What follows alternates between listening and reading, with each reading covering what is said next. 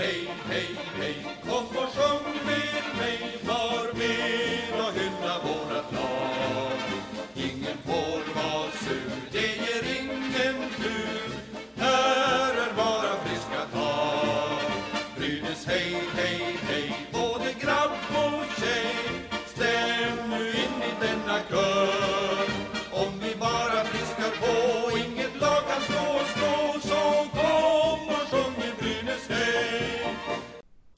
är vi tillbaka med ett nytt avsnitt av Brynäs-podden.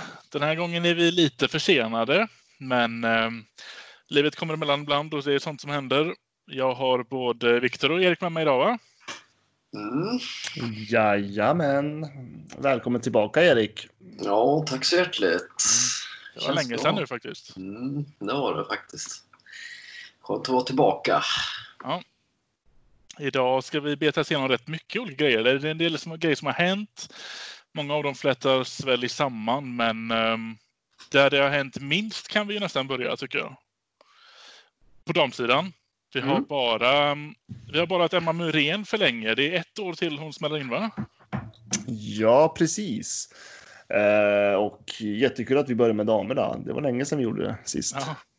Så, eh, ja, men precis. Det händer ju inte så mycket på damsidan. Eller det gör det ju säkert bakom kulisserna. Men tyvärr så är ju damhockeyn så pass liten att eh, vad ska man säga? Den stora media bevakar väl inte silly season på damerna på något sätt överhuvudtaget skulle man väl säga. Så det är ju väldigt svårt att följa den silly season. Eh, det finns ju liksom inga rykten på att någon spelare kommer till något lag så, utan eh, man får ju utgå efter det som föreningarna presenterar helt enkelt. Men Emma Muren har förlängt, eh, positiv känsla Mm. tycker jag. Eh, hon, nu ska vi se om jag inte missminner mig, hon gjorde väl en helt okej förra säsongen om man tänker grundserien där. Hon gjorde väl eh, 14 poäng blev det. Ja, men precis på 32 omgångar, vilket jag ändå tycker är helt okej. Mm. Eh, hon gjorde ett bra slutspel. Eh, där tyckte jag ändå att hon framhävde sig rätt bra om man tank, tanke på det här laguppställningen Brynäs hade med väldigt få målskyttar. Eh, så tyckte jag ändå att Myrén tog för sig väldigt bra. Så att jag är väldigt positivt att se en säsong till av henne i Brynäs. Ja, det finns väl potential att öka den där poängproduktionen framöver och eh, generellt känns det som en eh, bra pusselbit i Brynäs lag, fortsatta lagbygge där på damsidan. Precis, något gör de ju rätt också. För om man tittar på hennes statistik här, eller på hennes eh, karriär hon har spelat hittills. Hon har spelat i Leksand, Brynäs, Linköping. Hon är ju landslagsspelare med U18 under sin eh, juniortid. Inte under sin Linköpingstid dock, men direkt nu när hon kom tillbaka till Brynäs så har hon fått chansen i, i landslaget. Så det är någonting som stämmer nu känns det som. Och då är det ju perfekt timing att eh, signa henne för ett år till. Ja, så är det. Och just det här att hon väljer att förlänga indikerar ju på att hon trivs i Brynäs. För att det är ju liksom inga pengar som lockar i SDHL eh, riktigt. Så att det är ju mer hur man trivs i laget och hur man känner att man kanske som damspelare har möjlighet att utvecklas. Och så, det är ju sådana liksom eh, saker som man måste tror jag man tar in mycket, mycket mer än vad man gör på här sidan. För där har man ju en tjock plånbok som lockar också. Eh, Så att, eh, att hon väljer att förlänga med Brynäs, det indikerar ju på att hon trivs här och att hon tror på det som Brynäs faktiskt, eh, den resan som Brynäs gör. Ja, Ja, det är väl kvitto liksom på att Brynäs liksom har något bra på gång där i damsidan. Vi vet ju att Erika sa väl här tidigare i våras att de flesta spelarna vill förlänga hos han. ja precis. Ja, återigen en som hon har lyckats ehm, behålla då. Ja, men precis. Jag tror att många av de där spelarna så handlar det mycket om eh, vad, vad de får till på sidan om hockeyn snarare. Eh, jag tänker alltifrån jobb och plugg eller vad man nu gör. Eh, det måste ju finnas någon form av levebröd på sidan om hockeyn också. Så att det är säkert många som vill få det klart för sig innan man förlänger i någon lag sådär. Mm. Eh, Men eh, nu vet jag inte jag hur det är för Myrens fall, men eh, Eh, det är ju sådana variabler som avgör också naturligtvis. Så att jag tror att eh, Erika jobbar väldigt hårt med att eh, bevara den här stommen som man har. Och sen vill man ju såklart, hoppas man ju på att bygga vidare på något sätt. Fler förlängningar som kommer inom kort då kan vi hoppas på. Jag tror att vi kommer få se ganska många förlängningar. Utan jag tror att det bara är så detaljer som ligger kvar just nu. Så att, eh, för jag menar damhockeyn är ju liksom inte, jag tror inte att den är Alltså det som man skulle kunna dra, jag tänker det här med coronatider, för här hockeyn måste få ju liksom dra i svångremmen lite grann. Eh, så damhockeyn är inte lika mycket ekonomiskt utsatt. Eh, jag vet inte ungefär vad ett damlag kan kosta, om det är runt en miljon tror jag. Eh, för en klubb, då ligger man liksom på topp där och då är väl, jag vet inte om det är att det är resor och så inblandat också i det. Eh, och annat material och vissa spelare får ju en ersättning också. Mm. Eh, men eh, jag kan ju tänka mig att många damspelare som jobbar på sidan om kanske har det ganska tufft nu när många företag permitterar och eh, man anställer ogärna extra eller nytt. Och det kan ju såklart sätta käppar i hjulet för damspelare, tänker jag, ekonomiskt.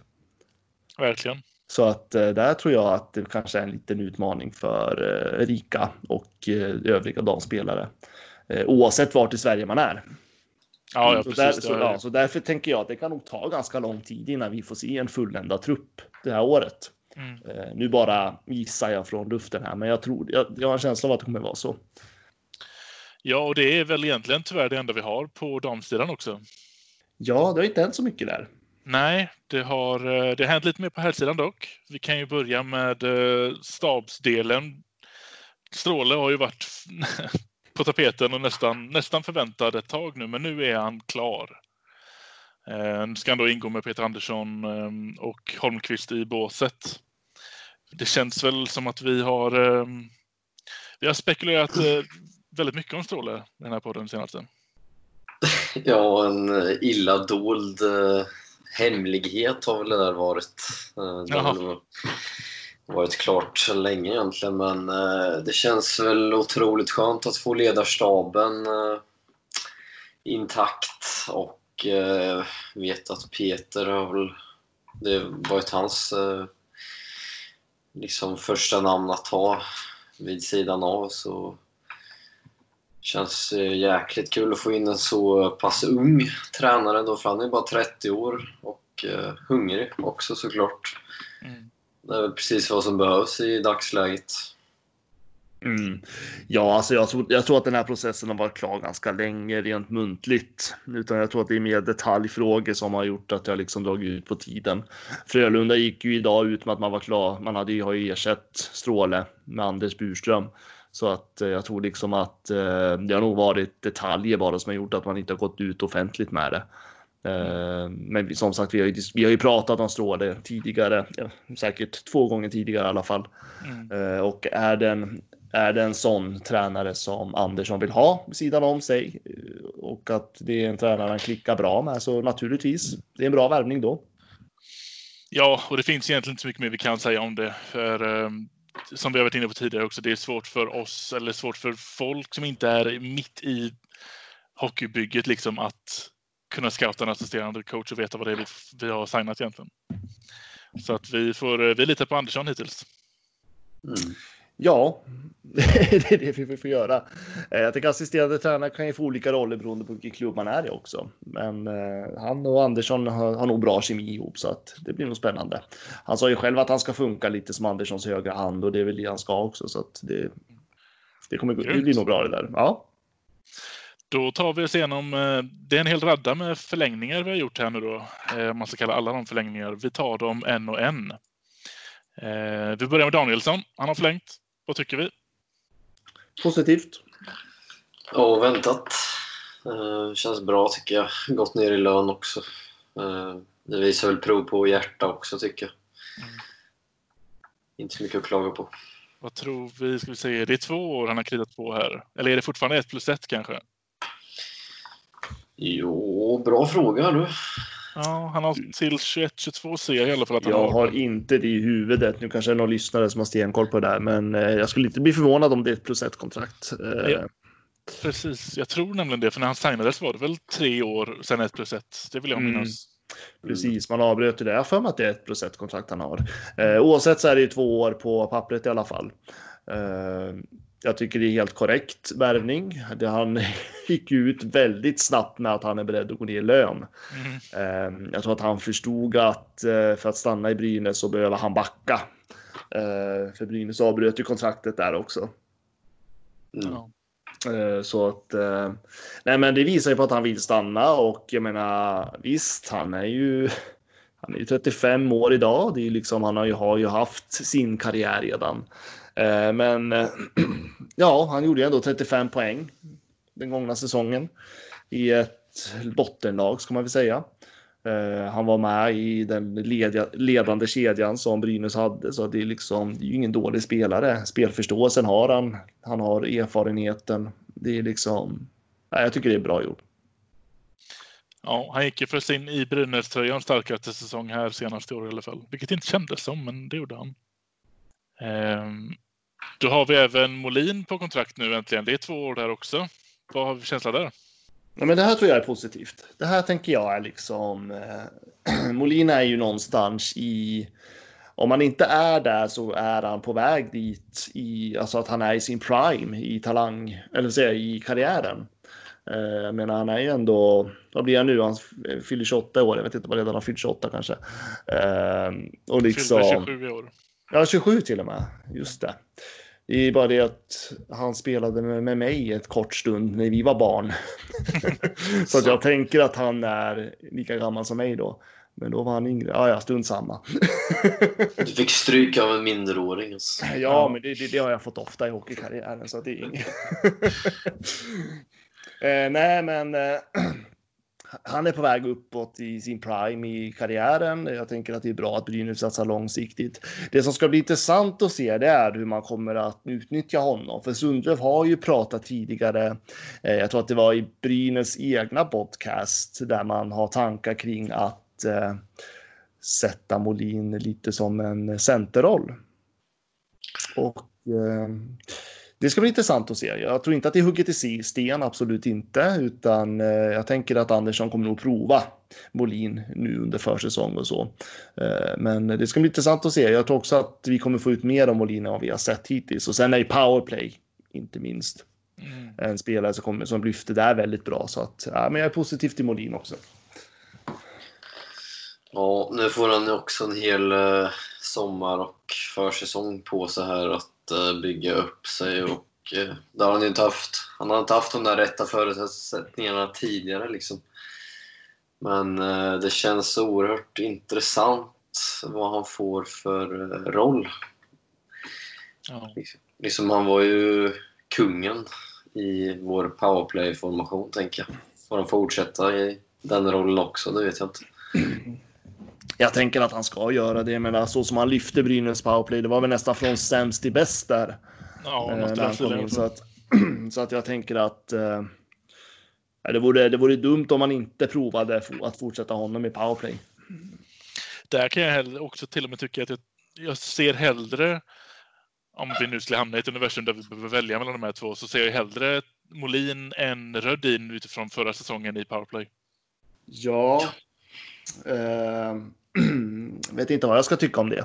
det många gånger. Jag minns de här um, graferna vi tittat på, de mm. statistiken mm. håller upp utifrån Brynäs offensiv första delen av säsongen.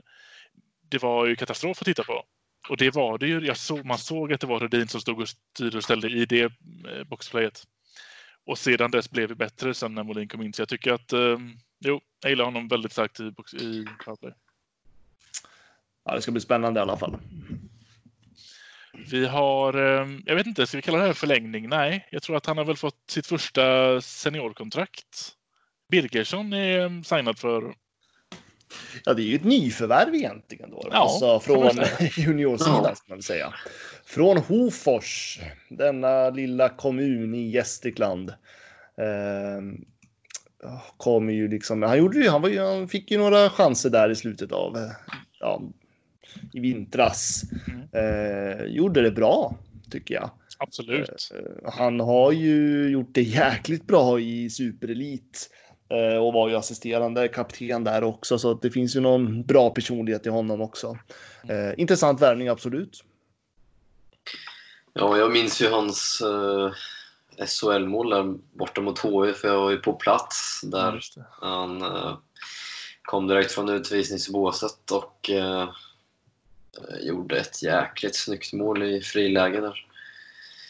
Så eh, det känns kul att man eh, tar tillvara på de här talangerna Brynäs har och det känns som början på något som kommer fortsätta i framtiden också. Lite sån känsla får jag. Ja, men han, eh, jag tror att han eh, de senaste åren tycker jag ändå att han har fått lite känsla för målskyttet också.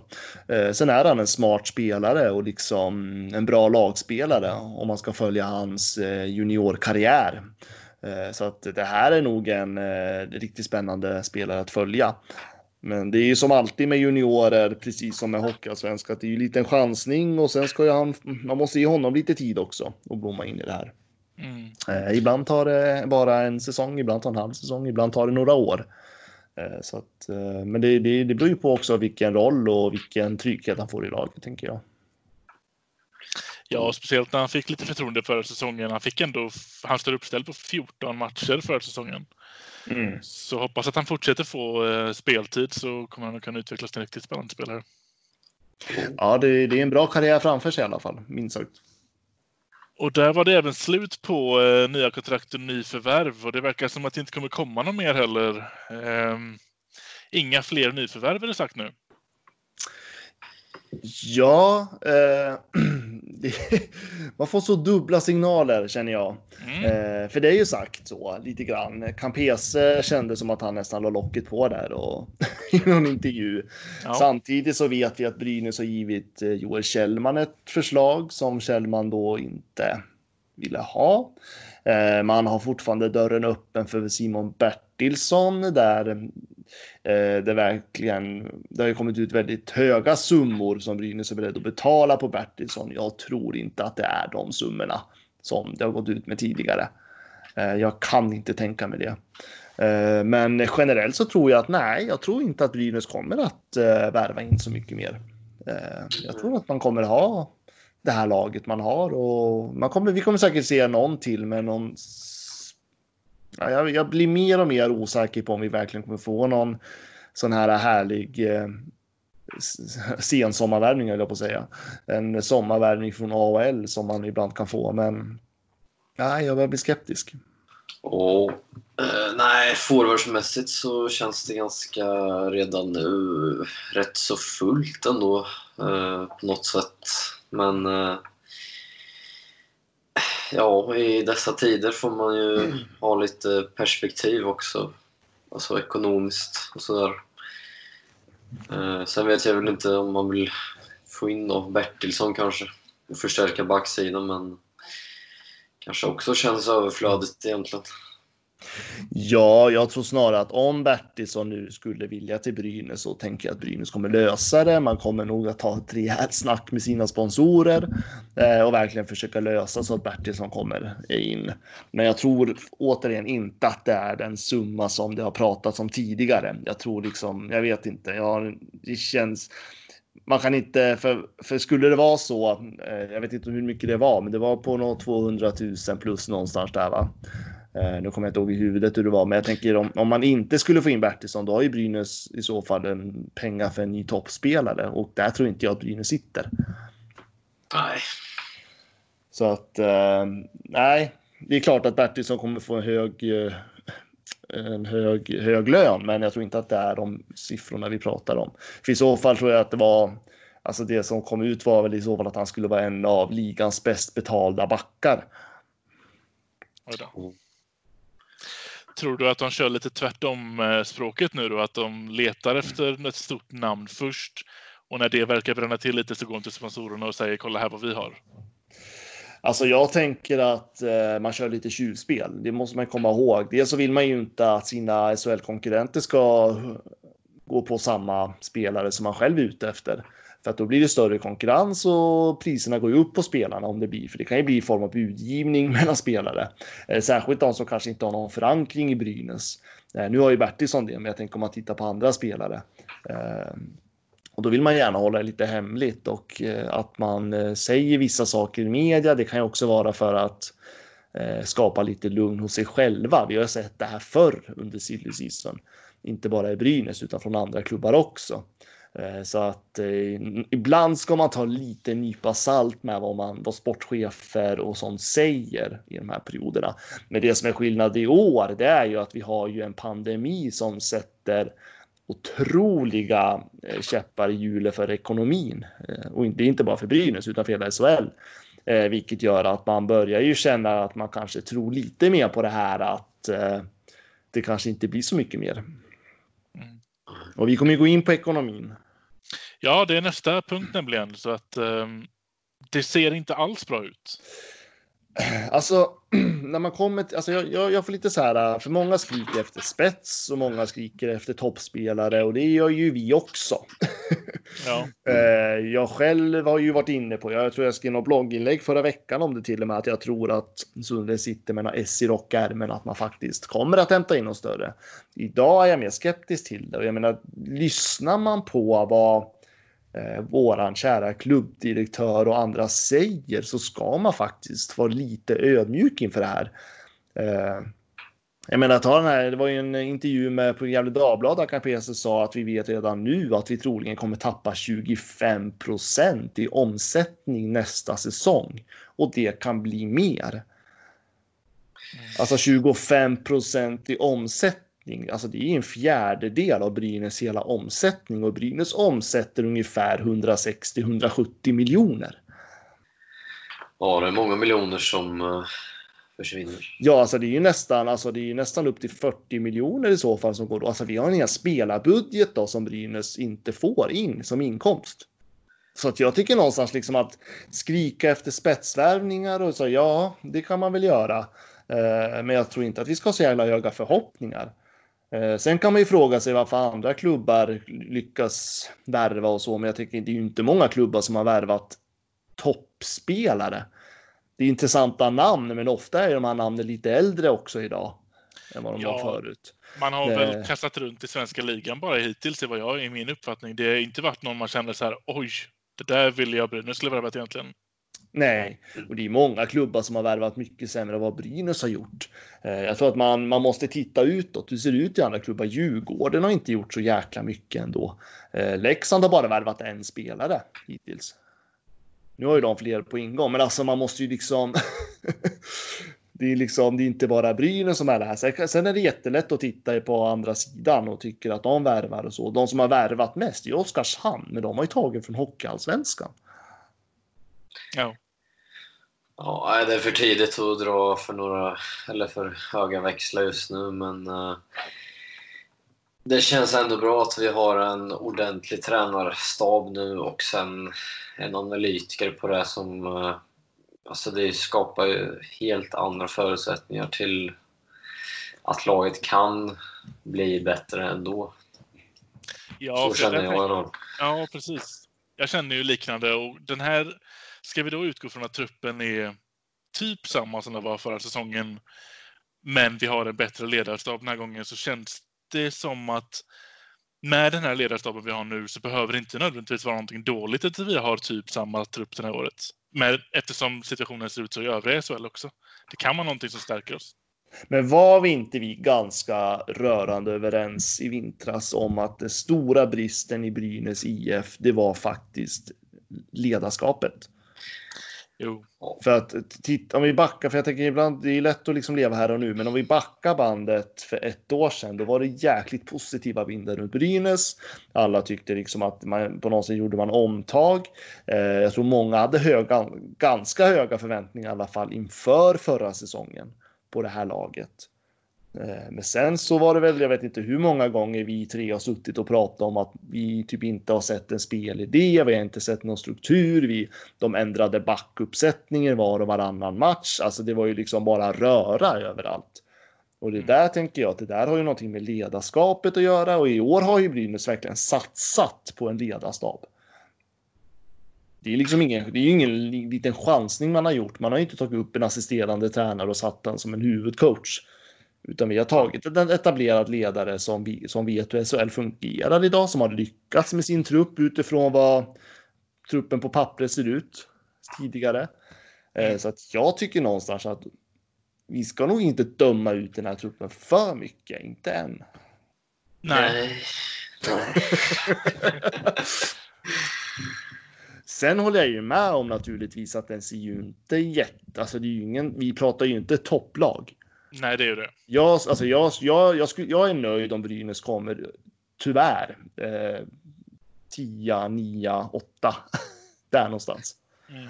Då skulle jag vara rätt nöjd. Eh, jättenöjd om vi fick vara med i slutspel, absolut. Det är liksom det som ska vara målsättningen. Och det är klart att då behöver vi revidera om den här treårsplanen sportsligt. Men det tänker jag att man, det tänker jag att man redan har gjort. Eh, Men jag tänker vi ska vara nöjda om vi kommer till kvartsfinal och sen får vi jobba vidare därifrån. Ja, med den lilla omstarten som gjordes nu med tränarstabsbytet efter år ett då på den här tre år och tioårsplanen. Och sen kommer corona. Det känns som att eh, det är realistiskt nu att skrota den här tre och tioårsplanen. Vi får nog börja om på den och börja kanske nu. Ja, fast man ska inte skrota helt för att man ligger ju i fas på typ alla andra platser utom det sportsliga.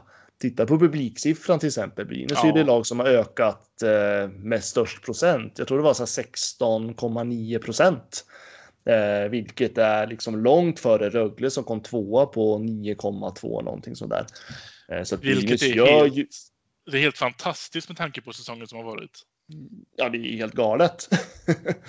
så att Brynäs gör ju mycket rätt inom och titta på damhockey, damsidan.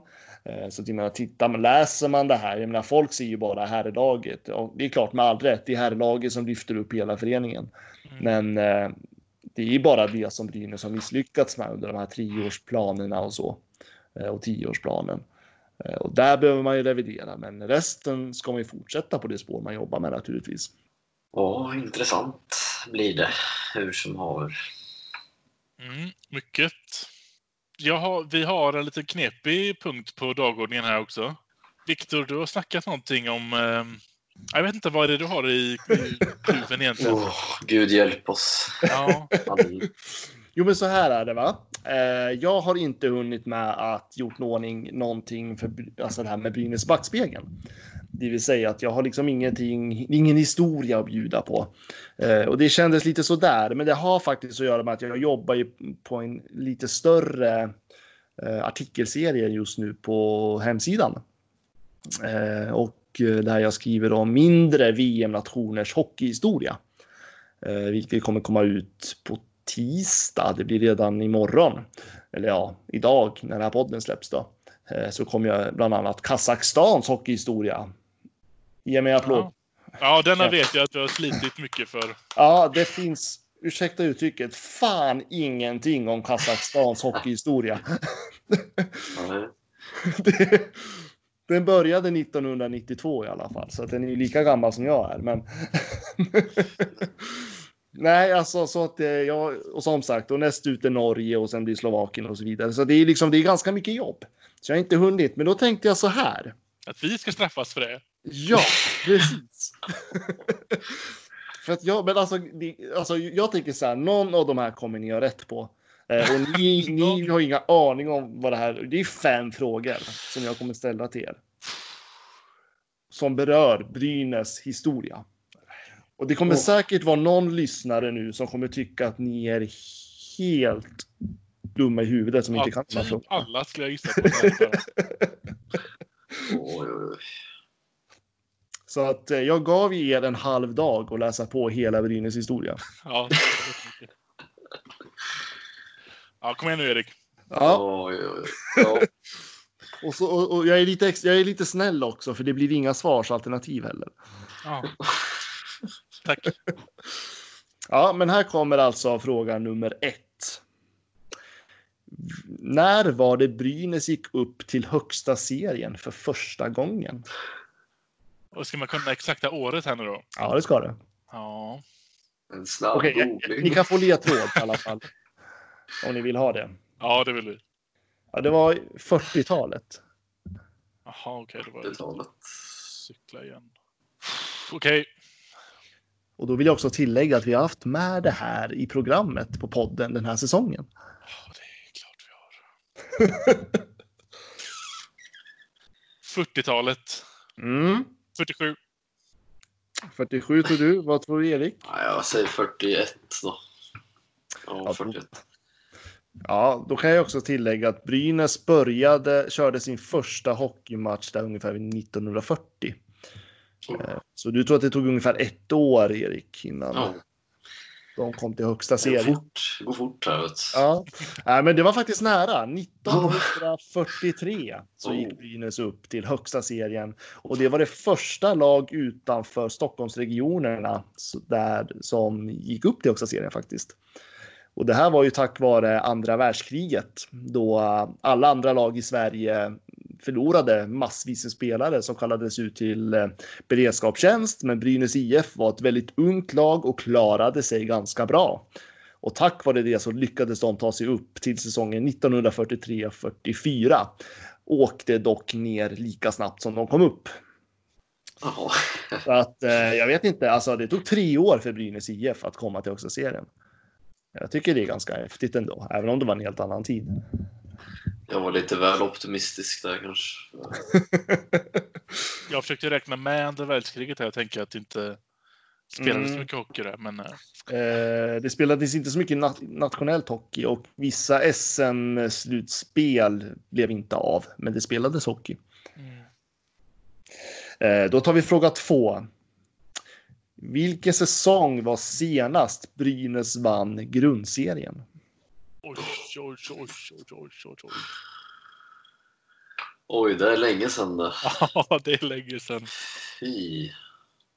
Eh, Nu är det ju någon lyssnare som har skriker årtalet rätt ut tror jag. Det är säkert... Är det ända bak till 70-talet eller? jag tror nästan det kan vara det. Alltså. Det är på 70-talet. Ja.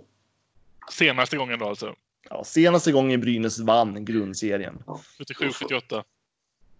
Ja, vad tror Erik? Ja, 76, 77 då. Ja, du har rätt Fredrik. Yes! 1977-78, då var det senaste gången Brynäs vann grundserien. Åh, herregud. Det är så länge sedan. Ja, då var vi inte ens påtänkta grabbar. Nej, det var vi verkligen inte. Nej. Det är ganska otroligt att man har varit med så länge och inte Ja. vunnit. Ja. Ja, det måste ju bli ändring på det. Ja, men nu kommer fråga nummer tre här. Varför kallades Brynäs för Arsenalerna ända fram till ungefär 80 till 90-talet? Men den kan du, Erik. Man sa ju då att man spelade för Arsenalen när man spelade för Brynäs IF. Spelade för Arsenalen. Och det ska ju också tillägga att Brynäs hade ju en ungdomsliga på 50 och 60-talet som hette Ars- Arsenalligan. Oj, det var en svår fråga alltså. Kan det ha varit militärer? Eh, nej, det kan det inte ha varit. Nej. Alltså, eh, tänk dig Arsenal. Det finns ju någon, någonting där. Jag tänkte på den där eh, kanonen de har där. Uh, ass, ja. Arsenal, ja. Nej, jag, jag har inte en aning alltså. Nej, det var faktiskt då. Det började i alla fall med att när Brynäs grundades väldigt tidigt så fan, det fanns ju liksom inte någon färg-tv eller färgfoton på den tiden. Och man ville härma storklubben Arsenal med sina tröjor. Jaha. Problemet var att man hade ju bara svartvita foton som man kunde titta på. Så man visste inte riktigt vilka färger det handlade om. Eh, Men sen har det där le- le- le- levt kvar under alla, under i stort sett hela 1900-talet. Eh, Så, så att det var därför man på 50 och 60-talet kallade, hade då Arsenalligan med sina ungdomar och sen så kallades man för Arsenalerna. Eller Arsenal. All right. Coolt. Och då är det fråga nummer fyra. Ni har ett rätt hittills. Ja, det går. Ja. Eller du Fredrik har ett rätt hittills. Går bra nu. Ja, men den här, alltså jag tror att eh, de som är supportrar, i alla fall i Gävle, känner till den här frågan. Vad bra Eh, jag jag Erik hoppas det. att ni... Ja, precis. Jag, men jag tror och hoppas att det är fler utanför Gävle som också känner till det här. Eh, vad brukar man säga att de klassiska oken på Brynäs axlar står för? Alltså ränderna på oken. Vad är symboliserar de? Just det, oken. Som var ju någon ganska betydelsefull grej där. Det är bra Erik, det är bra. Jo du. Ja, jag är... Nej. Nej, jag tänker ju bara tigerrandigt ja, men... eh, Nej, det måste ju vara... Ja. Ja, det har inte med tigerränder att göra. Det kan Nej. Det var det första jag tänkte, sen fick jag okej. okej. Vad fan, eh, på tal om den där Oka, jag kommer ihåg i CHL när eh, Brynäs hade sin CHL-tröja när, när de var, inte fick ha Oken. De hade ju något nytt utseende där. Mm. Ja. skapade ganska stor irritation, kommer jag ihåg. Mm. Ja, alla SHL eller CHL-tröjor är ju Ja. fula. Ja, men nu ska vi inte prata CHL. Nej, Men jag tyckte det var roligare faktiskt. I CHL senast, det var för ett par år sedan. Det är ju väldigt unikt med de där axelloken som eh, Brynäs har. Eh, ni, ni vill inte gissa heller någonting. Jag vill inte skämma ut mig. det är faktiskt så att eh, man brukar säga att de där oken, alltså ränderna på Brynäs axlar, står för tvärgatorna på Brynäs. Utifrån att Brynäs kallas ju också för tvärgatornas lag. Är det så? Vad glad jag blir. Det Mm. var ju skitbra koppling. Ja, och det har att göra med att i stort sett där i början på 40, 50 och 60-talet att stort sett alla som spelade för Brynäs IF levde och bodde där bland tvärgatorna på stadsdelen Brynäs.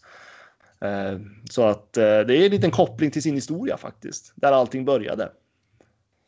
skulle vi tänkt på Erik. Det är Ja, viktigt att ställa det- för just den kopplingen.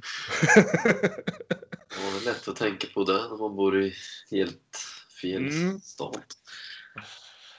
Nu, mina herrar, Ja. är det så att kan ni, alltså nu, nu, nu nu vill jag skrämma upp er lite grann, men Nej. kan inte ni den här frågan, då tror jag att ni kommer ha minst halva Brynäslägret kommer ju skriva till er. Jag förväntar mig att ni ska kunna det här. Vilken Brynäs-spelare har gjort flest mål i ett SM-slutspel i klubbens historia? Ja, shit, jag höll på att få hjärtattack ett tag. Vem säger det först? Vad var frågan sa du? Vilken spelare har gjort flest mål i en Ja. SM-slutspelserie i klubbens historia? Ja, den var enkel. Säg det liksom i falsett båda två. Okej. Du får räkna ner oss. Ett, två, tre. Silverberg. Ja, Jakob. Bra Ja. grabbar. Ja, men i, Fredrik vann då. Ja. Ja, den tycker jag ändå att jag Två, förtjänar. ett. Två rätt. Två Ja. av fem. Erik, du, du ska få en historia. eh, s- säger upp. Så att eh, ni fick lite historia där i alla fall. Skitbra historia ju. Ja, eller hur? Mm. Eh, det, det, det var mitt lilla historiska bidrag det här på, i den här avsnittet. Kanske ska fortsätta med lite frågor också. Ja, ibland. kanske. När jag inte får har någon. stämma av det lite innan kanske. Så vi Men jag har faktiskt fått frågor av uh, Frölundare här vad um, de här ränderna på axlarna är. Jaha. När man har varit i, på match här i um, Skandinavien eller någonting. Då har jag bara fått säga att du ser ju att de är snygga. Varför, varför ställer du konstiga frågor? Men jag, jag vet ju att det inte är rätt. Att det inte är därför liksom. Men nu vet jag. Nej.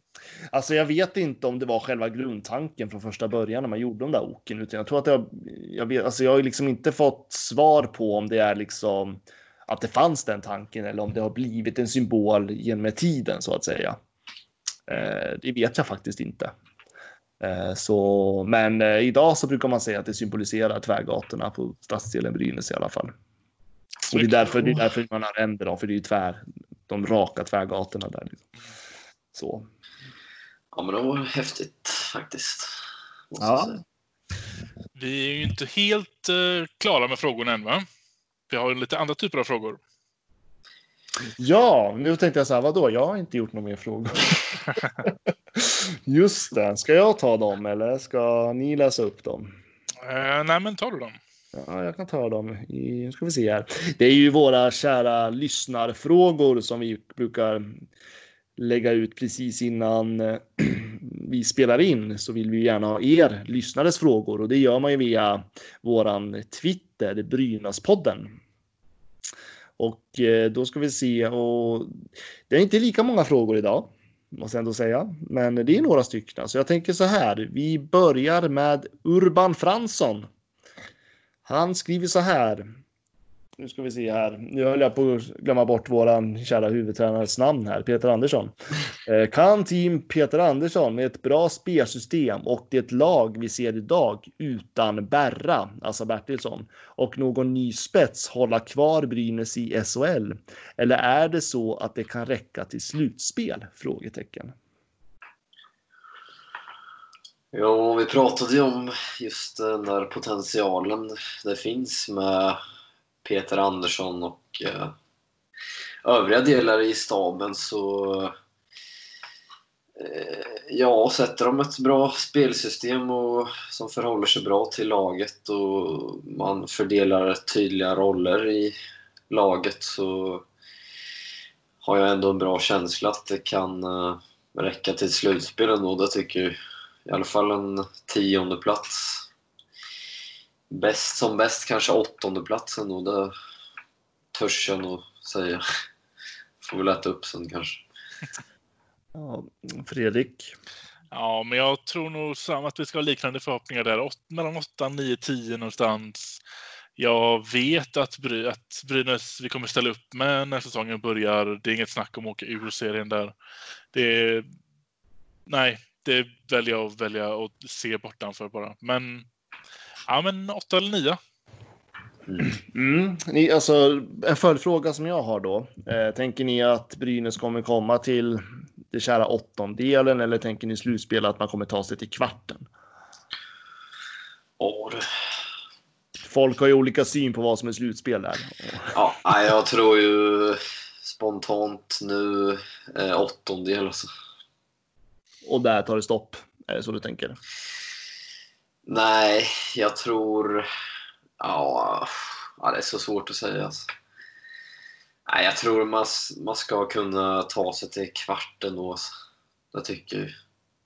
Mm. Ja, jag tycker samma där just eftersom att hur blekt nu än vårt lag ska förväntas se ut så är den här ekonomiska situationen likadan för alla. Så det känns som att vi klarar oss rätt bra ur krisen kanske. Jag tror på kvarten också. Ja, det är bra. Nej, men jag, jag, jag säger åttondelen då. Eh, där tror jag att det blir stopp. För jag är den positiva i den här gruppen. Så, men eh, däremot så tänker jag att vi ska inte prata i termer att åka ur SHL. Titta hur andra lag ser ut. Kolla bara på Oskarshamn. Det är ett hockeyallsvenskan rakt igenom hela laget i stort sett höll jag på att säga. Ja. Eh, Så att jag menar, det är liksom, det finns sämre lag än Brynäs. Vi behöver inte oroa oss. Vi pratar inte i de termerna. Eh, Så skulle jag vilja säga i alla fall. Mm, instämmer. Jag hoppas att det lugnar de som är lite oroande. Titta på hur de andra lagbyggena ser ut. Eh, Sen har vi en Emil som skriver, han har flera frågor, jag vet inte, ska vi ta en i taget kanske? Eh, Han skriver så här, vart hamnar Birgersson i laget? Frågetecken. Den är svår faktiskt för vi, vi- det är ju fullt på forwardsidan känns det som. Den, är ju, den truppen är nästan klar. Samtidigt som att vi vet om att han fick ju mycket speltid förra säsongen så jag hoppas han kan ta en permanent plats i fjärde femman. Men, men det är nog som bäst den här säsongen. Jag håller med. Kan jag säga kort och kort. Erik, tänker du något annat? Eh, nej, jag är nog enig med er faktiskt. Eh, ja, det blir intressant hur mycket speltid han kommer få och sen hur eh, han utnyttjar det på bästa vis. Mm. Ja. Och sen så frågar Emil vad händer med Sallinen? Jättebra fråga. Vad är det som händer med Sallinen? Ja, eh, som det ser ut just nu så är han ju kvar i Brynäs. Ja, och ryktades till Ryssland där ett tag. Ja, precis. Han har ju faktiskt, och det är väldigt intressant nu, för han har ju faktiskt en out-klausul i sitt kontrakt och det sträcker sig till den 15 maj. Det Oj. vill säga, det är ju den 12 nu när den här podden läggs ut. Eh, Så att vi får nog reda på det. Ja, vi får ju reda på det den här veckan, tänker jag. Ja. Vad som blir läget med Sallinen. Eh, han är en av de dyrare spelare i truppen som jag också tror sätter lite käppar för Brynäs att agera mer ute. Eh, och jag tror för Brynäs har en dyr trupp. Det har man. Mm. Eh, Ja, ja, vi får veta det i veckan då. Oklart. Jag trodde att det här var ingenting vi ens behövde tänka på längre, för det var klart. Men nu är han där plötsligt. Ja, men det är ju alltså KL har jätteproblem ekonomiskt. Mm. Eh, Det är flera spelare som har skrivit klubbar i KL som till och med har lagt ner. Eh, Så att det är liksom, det är, det är rör, det är lite rörigt i KL just nu. Eh, Man vet inte alls hur det kommer se ut framöver. De stora KL-klubbarna står ju stabilt såklart, men man pratar ju mycket om de andra. Eh, Så det är väl det som har gjort kanske att Sallinens chans till KL och kanske har gjort att de eh, inte skriver på med honom. För att det är en väldigt känslig tid ekonomiskt för KL. Mm. Eh, så att eh, och då eh, blir han ju kvar då i Brynäs. Ja. Men det är som det ser ut nu. Vi har ju liksom ingenting. Eh, för det är ju då eh, Dynamo Riga som eh, det var ryktet som att Sallinen skulle till och den, just den klubben lider väldigt hårt ekonomiskt. Så vi får se. Men jag, jag, jag har en magkänsla av att han blir kvar i Brynäs. ja. Det kan nog bli så. Så att eh, vi, vi, vi får se, men det är ju den här veckan så det är bara att man får ju följa utvecklingen. Ja. Eh, Men då ska vi slå ihop de här frågorna, för Emils tredje fråga är hur påverkas resten av lagbygget av att Birgersson fått kontrakt och osäkerheten över vad som händer med Sallinen? Alltså Birgersson kostar ju ingenting. Nej, han känns inte som att det gör någon skillnad. Han har Nej. kommit in ändå. Ja, Eh, det som Sallinen är att Sallinen sitter på ett rätt dyrt kontrakt eh, och det är ju såklart pengar som Brynäs inte får loss då. Eh, Sen vet man ju inte om Brynäs vill ha loss, för jag menar, det kan ju vara så att Brynäs själva vill ha kvar Sallinen, det vet vi ju inte. Sen får man ju alla tycka och tänka hur man vill kring det, men Brynäs har en dyr trupp. Jag tror Sallinen och Eh, DeShane är två väldigt dyra spelare än vad man har fått ut av dem. Eh, det är bara min gissning nu. Eh, så att, jag tror att det är klart att det sätter käppar i hjulet så. Särskilt i tider där vi, det går lite käpprigt ekonomiskt. ekonomiskt. Det blir ganska hård konkurrens nu tycker jag. Har jag en känsla av om då Sallinen blir kvar. Alltså, vi vet ju inte vad Birgerssons roll och det tänkt med där riktigt. Alltså jag tänker att jag tror att man kommer vara väldigt öppen med Birgersson. Det beror ju helt på hur han anpassar sig till SHL. Mm. Så det är ju svårt Ja. att gissa på i förhand tänker jag. Han är väl center tror jag, men eh, vad jag såg av honom förra säsongen så spelar han ju där det finns plats. ja. Mm. Han kan ju bli ett sånt komplement som blir spännande att se när någon blir skadad. Mm. Precis, så att eh, ja, jag vi har inga svar på det. Vi kan ju bara gissa, Eh, men jag tror att det är inte så mycket som kommer att påverkas generellt. Eh, Ska vi gå på nästa fråga? Mm. Då är frågan. Varför prioriteras värvningar till tredje och fjärde kedjan framför en andra kedja? Ser man vad som värvas i strategin tydlig, menar den här skribenten. Eh, ja, så... Alltså, Vilka Vilk- värvningar har vi gjort ens? Det är Pettersson. Det är bara Pettersson. Ja, nu måste vi titta bakåt här liksom. Nej, vi har väl gjort fler värvningar. Ja. Eller forwards. Ja, men, ja, nu eh, tänker jag bara forwards och sedan säsongen tog slut, då är det bara Ja, du, Pettersson. tänk, ja, du tänkte forwards. Ja, jo. Mm. Det är liksom... Vi har inte gjort så mycket. Ja, det är bara Pettersson som är en ny alltså forward från utomstående. Sen har vi Mm. förlängt. Sen har man förlängt, ja precis. Eh, och jag vet inte, alltså jag skulle väl kanske inte klassa. Jag vet inte om man ska räkna om vi har förlängt med värvningar eller för, alltså. Det beror ju på Nej. hur man tänker. Uh, Molin tänker inte jag ska vara en tredje. Eh, Nej, gud nej. Andra som sämst. det är en andra, ja, det är en andra kedja spelare. Danielsson är ju första, men de har vi ju förlängt med. Och det är som ni säger, vi har ju bara värvat in en. eh, som skulle kunna vara en, ja, tredje Mm. kedjor. Forward såklart, ja, jo, det är sant. Ja, jag förstår ju. Jag tror väl att grundfrågan här är när kommer det stora namnet? Mm, mm. Så tänker jag också. Eh, och det var väl som vi lite inne på idag att vi kanske inte ska hoppas för mycket. Nej. Sen vet vi inte heller. Det är alltid NHL-snack i juni när NHL-kontrakten går ut och situationen kanske ser annorlunda ut ekonomiskt för samhället. Men alltså, jag tror inte Brynäs har stängt några dörrar åt något håll. Rent krasst. Eh, Jag tänker att man vill först se vilka pengar man har i röra med. Det tror inte jag att man vet rent krasst vad man har för pengar, precis som du säger. Eh, och sen så tror jag att jag är fortfarande ändå lite kvar i tanken att de sitter med något litet S där i rockärmen. Jag vill också vara inne på det. Ja, och jag menar, och det, vi vet ju, och särskilt så med Sundlöv, att eh, där i juni, juli så brukar ju han eh, komma in med någon liten amerikan.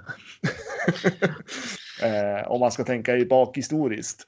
Eh, men sen är det ett annat läge nu och det är det som gör att man, blir, man tvivlar på den tanken. Men jag vill, Ja. jag vill tro, men det är bara vad jag tror. Det kan ju ske något eventuellt under alltså säsongen, alltså hösten och allt. Vi får ju se liksom. Ja, men det är det är så ostabilt läge borta i NHL också. De har ju inte Ja. ens bestämt. AHL gick väl ut nu idag att de är klara med sin säsong. NHL har inte ens bestämt sig om deras säsong är slut liksom. Nej, de Eh, försöker så att- fortfarande hitta lösningar. Ja, så att jag menar, det är väl lite ostabilt där också. Det är ju inte bara KL som eh, just nu brinner, höll jag på att säga. Eh, Så att ja, jag vet inte 17. Det kan, det kan vara lite osäker marknad i Amerika också som kan gynna SHL-klubbarna. Så det kan ju vara så att Brynäs bara ligger, vågar ha lite kyl, is i magen Mm. och invänta vad som kommer hända liksom. Så att jag vet inte. Nej, precis.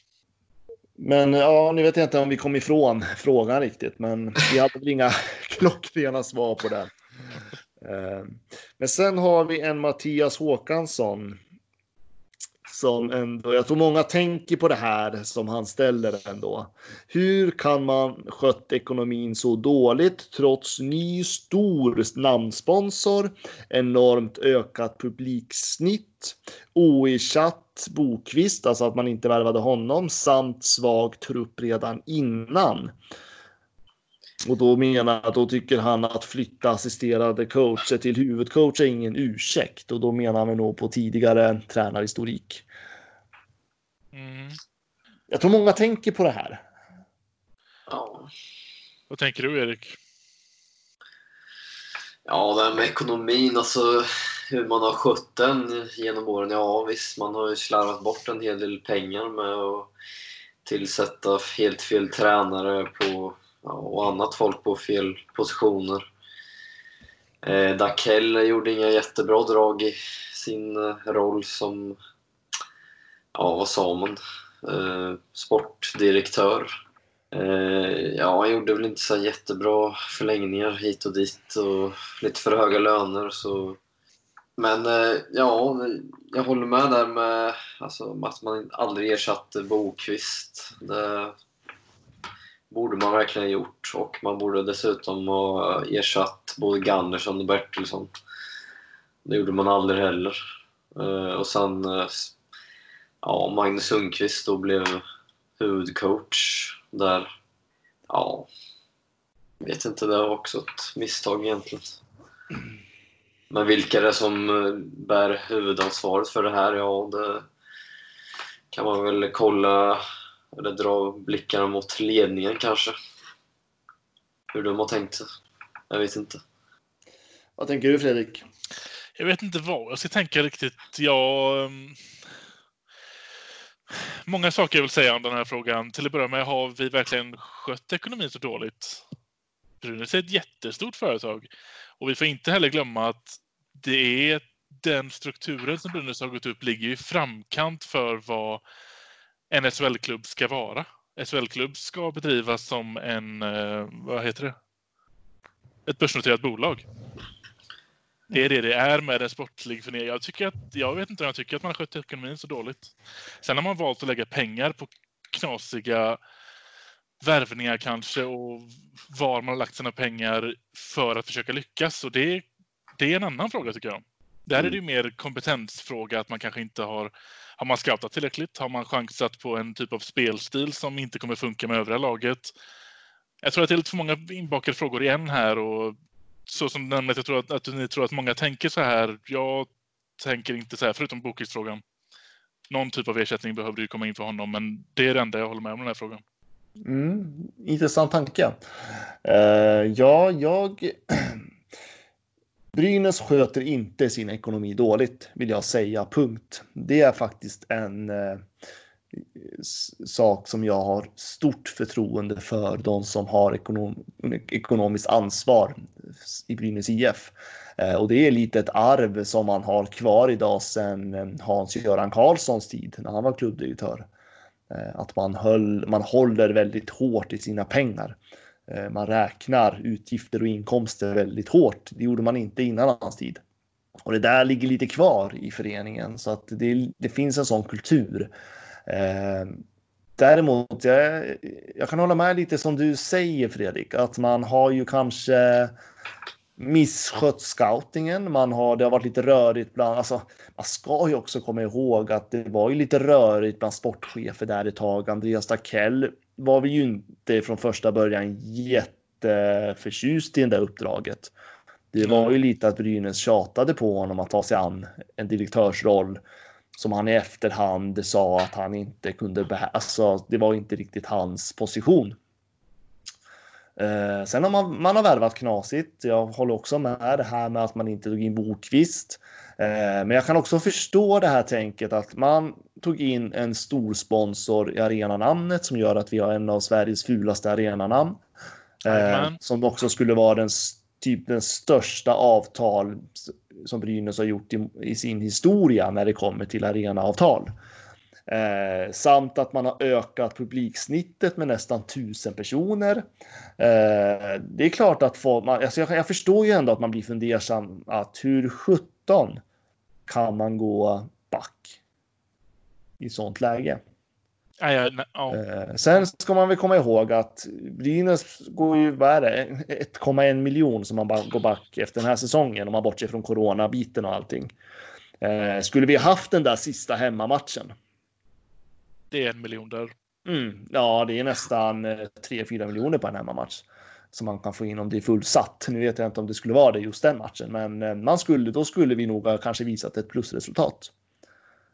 Eh, men vi fick en match utan eh, publik eh, som alla andra föreningar också fick. Så att jag vet inte. Det är, det är som du säger, det finns så många frågor i den här frågan.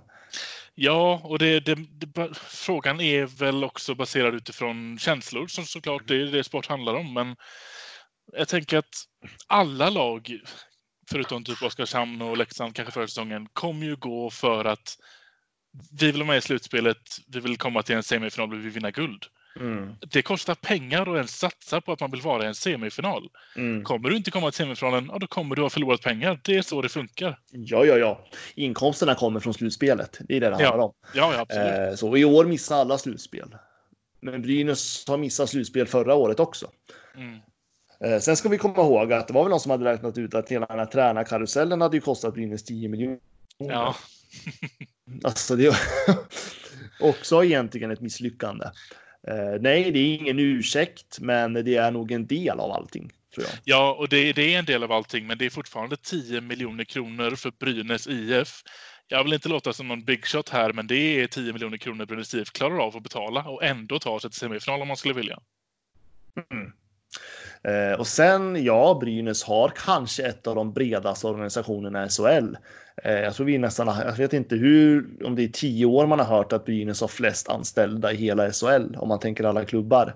Eh, men ja, vi, de har också en organisation som är byggd för att vi ska öka våran oms eller klubbens omsättning med det dubbla inom tio år. Och för att klara av det så måste man ha en bred organisation. Ja, och det är inte som att de här, den, här bred, den här bredden man har skapat och alla människor man har anställt för det är inte pengar som har tagits ur en spelarbudget. Nej, det är det inte. Och spelarbudgeten kanske inte toppar SHL, men den är inte sämst i SHL heller. Den ligger ju någonstans där i mitten, medel, lite över medel kanske. Mm. Och där kan man ju också diskutera då själva scoutingen och värvningen av spelare, hur man har tänkt. Mm. För det är väl det man har misslyckats egentligen. Ja. Och det är ju någonting som Sundlöv rätt otacksamt tänker jag också behöver städa upp nu. Ja. Och det görs inte på ett år när typ alla, alla spelare har kontrakt redan. och sen, sen får man tycka vad man vill om Sundlöv. Jag tänker att eh, man, någonstans måste man stå ödmjukt i situationen som vi är idag. Eh, med den här pandemin och vad det vi vet inte. Vi har ingen aning om hur det påverkar Brynäs för att det är ju Brynäs sponsorer som först och främst kommer att påverkas. Mm. Och det kan ju också vara, alltså, jag, jag, alltså nu tänker jag väldigt stort här, men eh, jag tänker att det kanske går bättre för andra lagsponsorer än vad det gör för Brynäs sponsorer. Det kan ju vara en sån grej också. Ja, Gävleborg är inte känt för företagsamhet om jag får säga så. medan, medan Småland är ju liksom Sveriges näste för småföretagare och företag generellt. Eh, så att det, det är liksom allt det där spelar ju in. Småland när ju tre lag nu i högsta serien. Ja, och det är för att de har råd med det i Småland. Jag gjorde en stor eh, text om det där, jag tror det var ett eller två år sedan.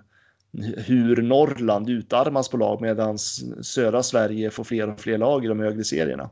Mm. Det har att göra med lokal ekonomi, för vi vet ju det. Tittar man på forskningen så vet vi att regioner där, för, alltså där en god ekonomisk och teknikutveckling, det är de regionerna som också får fram bra lag i idrotten.